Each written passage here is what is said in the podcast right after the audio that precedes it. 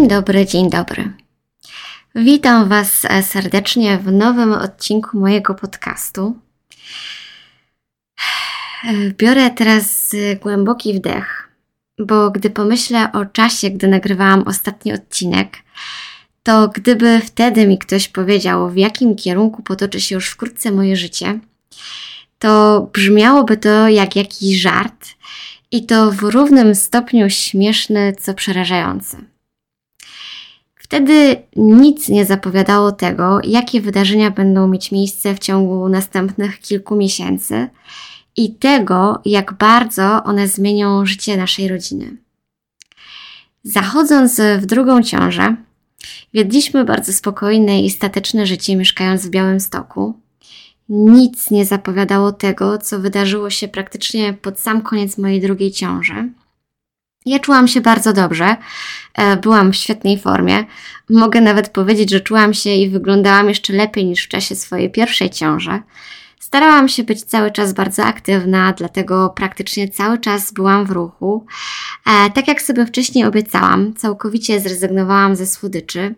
Nie spędzałam czasu na kanapie, więc zarówno fizycznie, jak i psychicznie czułam się naprawdę bardzo dobrze. Jeszcze jesienią zeszłego roku e, zaplanowaliśmy nasz wyjazd do Katowic, który miał mieć miejsce w lutym.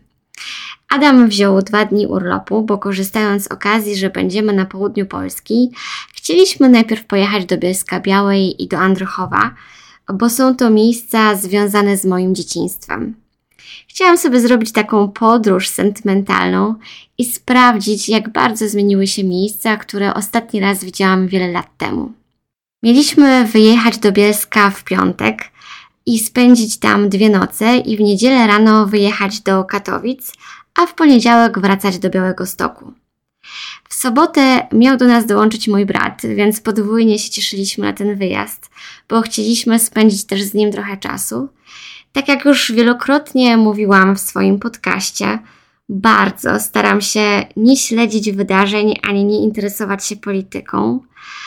Wolę bardziej skupiać się na swoim własnym życiu, tak więc nie byłam mentalnie przygotowana na to, że w czwartek, dzień przed naszym wyjazdem, praktycznie cały świat zamarł, słysząc informacje o zbrojnej inwazji Rosji na Ukrainę. Wszyscy w Polsce mówili tylko o tym. Praktycznie na każdej stacji radiowej starano się relacjonować wydarzenia, które miały miejsce na Ukrainie. Pamiętam, że tego dnia akurat była piękna pogoda. Słońce cudownie świeciło, na chodnikach nie leżał już śnieg. Ta pogoda napełniała takim optymizmem. Pojechaliśmy w ciągu dnia na myjnie umyć samochód przed trasą i gdy akurat wracaliśmy, to w radiu poinformowano o ataku rosyjskich wojsk na Ukrainę. Pamiętam, że wtedy ta informacja wydała mi się totalnie nierealna. W kontraście do tej pięknej pogody i do naszej radości związanej z naszym wyjazdem, to okrutne wydarzenie zdawało się kompletnie nie pasować do naszego życia. Na początku staraliśmy się nie dać się pochłonąć tej dramatycznej wizji wojny.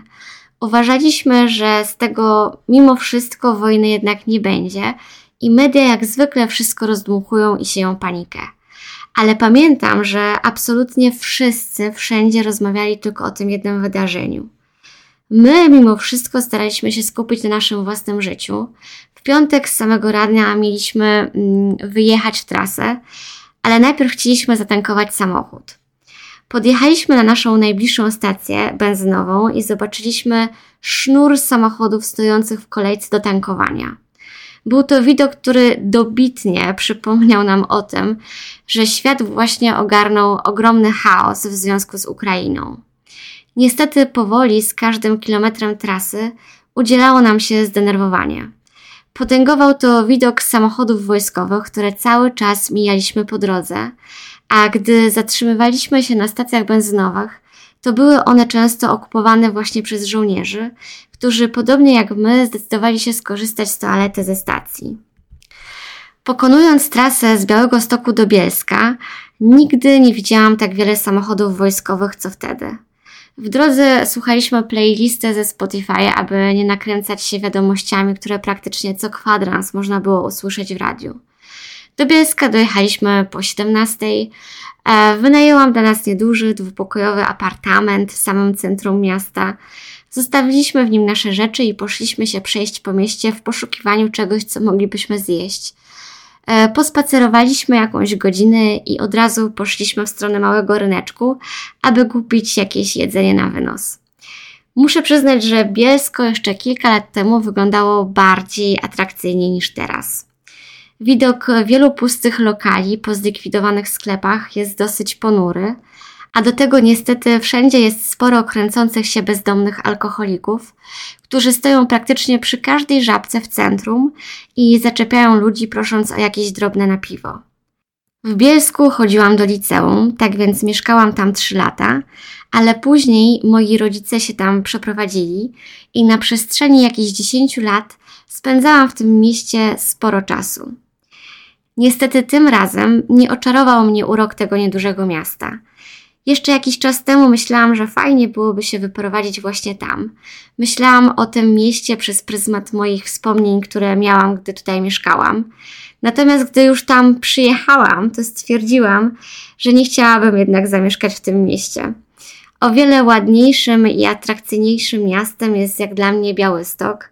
Tam w centrum, na każdym kroku, gdzie się człowiek nie ruszy, spotyka się z widokiem ludzi z małymi dziećmi, a w Bielsku, centrum miasta, okupowane jest przez takich typowych alkoholików, degeneratów, którzy najczęściej chodzą w grupach i zaczepiają innych przypadkowych przechodniów.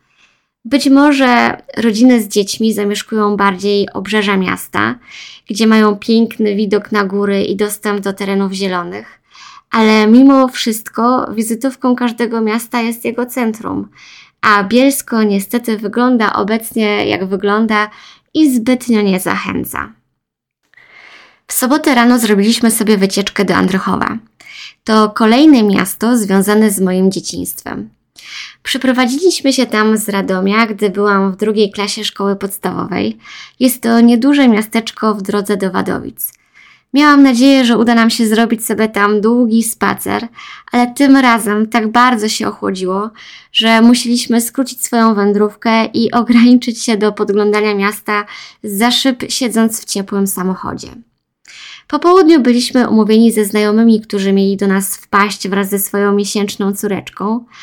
Rozmowa z nimi uświadomiła nam, jak wiele ludzi myśli na poważnie o wyjeździe z Polski, bo widzą lepsze perspektywy za granicą, zwłaszcza w kontekście szans na rozwój dla swoich dzieci.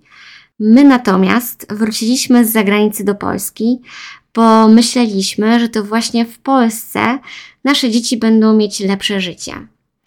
Dodatkowo pojawił się ogromny niepokój społeczny związany z sytuacją po wschodniej stronie granicy i to jakby potęgowało myśli wielu ludzi o ewentualnej emigracji z Polski. Bezpośrednio po spotkaniu z nimi nie wiedzieliśmy jeszcze, jak bardzo ta rozmowa z nimi ukierunkuje nas później. W niedzielę pojechaliśmy do Katowic. Tam też wynajęłam nocleg w samym centrum tego miasta. W Katowicach wcześniej bywałam tylko przejazdem, Najczęściej byłam tylko w miejscach skoncentrowanych wokół dworca kolejowego, dlatego tym razem miałam szansę nieco lepiej poznać to miasto. A w centrum, podobnie jak w Bielsku, było mnóstwo bezdomnych. Wybraliśmy się na kawę z samego rana w poniedziałek do McDonalda. Siedzieliśmy przy stoliku i akurat widok mieliśmy na jakiegoś bezdomnego pana, będącego w starszym wieku, który dyskretnie przy swoim stoliku obok e, spożywał pasztet z puszki i popijał go wodą z butelki.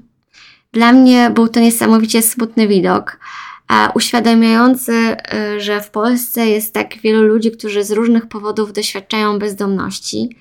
Mam wrażenie, że kiedyś widywało się bezdomnych, którzy najczęściej jednak byli alkoholikami i to właśnie przez ten alkohol znaleźli się na ulicy. A teraz widzimy o wiele więcej ludzi bez dachu nad głową, którzy alkoholikami jednak nie są, tylko widocznie ich życie potoczyło się w taki sposób, że znaleźli się na ulicy. Jest to niesamowicie przykry widok, który bardzo źle świadczy o Polsce i o jej słabo rozwiniętym systemie pomocy społecznej. Ale wracając już do głównego tematu tego odcinka, to gdy wracaliśmy do Białego Stoku, to dużo rozmawialiśmy o życiu w Polsce. O tym, jakie mieliśmy oczekiwania i marzenia wyjeżdżając z Anglii i jak one się mają z rzeczywistością. Poruszyliśmy też tematy związane z tym, jakie nasze dzieci będą mieć perspektywy rozwoju żyjąc w Polsce.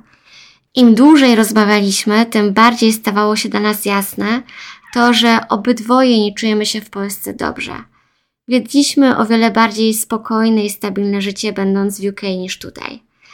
Następnego dnia po powrocie do Białego Stoku odwiedziła nas znajoma, która opowiedziała nam o ogromnych kolejkach w biurach paszportowych. Okazuje się, że wraz z wybuchem wojny na Ukrainie ludzie w panice zaczęli składać wnioski o paszporty. I to właśnie ta informacja zaalarmowała nas najbardziej. W sytuacji, gdy za miesiąc na świat przyjdzie nasza córeczka, a już teraz okres oczekiwania na paszport się znacznie wydłużył, oznacza, że w sytuacji, gdyby Polska była także zagrożona inwazją Rosji, my bylibyśmy uziemieni, bo nie bylibyśmy w stanie opuścić Polski ze względu na brak paszportu małej. Taka wizja uziemienia była dla nas szczególnie przerażająca, ponieważ już raz znaleźliśmy się w podobnej sytuacji. Gdy Oliwka przyszła na świat, to akurat był początek pandemii i wszystkie urzędy były zamknięte, w związku z czym my nie byliśmy w stanie przeprowadzić się do Polski, bo musieliśmy czekać, aż urzędy zostaną otwarte i będziemy mogli złożyć wniosek o jej paszport. Tylko gdy już te urzędy otworzono, to były tak odległe terminy oczekiwania na dokumenty, więc wtedy akurat mieliśmy możliwość e, przedstawienia udokumentowanego powodu, dla którego musimy otrzymać paszport w trybie priorytetowym poza kolejką. Tylko z tego powodu udało nam się wrócić do Polski końcem sierpnia. Gdyby nie ten tryb przyspieszony, to na paszport czekalibyśmy pewnie do późnej jesieni. W obliczu tego właśnie doświadczenia Obydwoje poczuliśmy impuls i następnego dnia, z samego rana, zdecydowaliśmy zgodnie o tym, aby na stałe wyprowadzić się z Polski i wrócić do UK. To był niesamowicie silny impuls, a ponieważ ja byłam już w ósmym miesiącu ciąży, to trzeba było działać natychmiast. Dziś, gdy o tym myślę, to nie mam pojęcia skąd była w nas tak ogromna odwaga, aby z dnia na dzień podjąć decyzję o przeprowadzce do innego kraju, w sytuacji, gdy mamy dwuletnie dziecko i gdy ja za miesiąc mam rodzić, a do tego nie mamy zbyt dużo oszczędności. Byliśmy obydwoje napędzani jakąś niesamowitą energią i wykonaliśmy tytanową pracę, pakując wszystkie nasze rzeczy, opracowując logistykę naszej przeprowadzki i zamykając wszystkie nasze sprawy w Polsce jedynie zaledwie tydzień. Oczywiście nie odbyło się bez wielu perypetii i zupełnie niespodziewanych zwrotów akcji. Zdecydowałam się, aby o tym wszystkim opowiedzieć, nagrywając kolejne odcinki swojego podcastu, ponieważ bardzo chcielibyśmy, aby nasze dziewczynki miały pamiątkę w postaci tych kilku odcinków podcastów, e, z których dokładnie będą mogły się dowiedzieć, jak to się stało, że nasze życie zupełnie niespodziewanie nabrało akurat taki, a nie inny kierunek. W naszym życiu dzieje się tak dużo, że pewnie już za kilka miesięcy nie będę wszystkich tych wydarzeń tak dokładnie i szczegółowo pamiętać, dlatego wolę nagrać i opowiedzieć o nich już teraz, kiedy wszystko jest jeszcze dosyć świeże. Dlatego już teraz zapraszam Was na kolejne odcinki podcastu. W dzisiejszym odcinku to już wszystko. Dziękuję za wysłuchanie i do usłyszenia w kolejnym.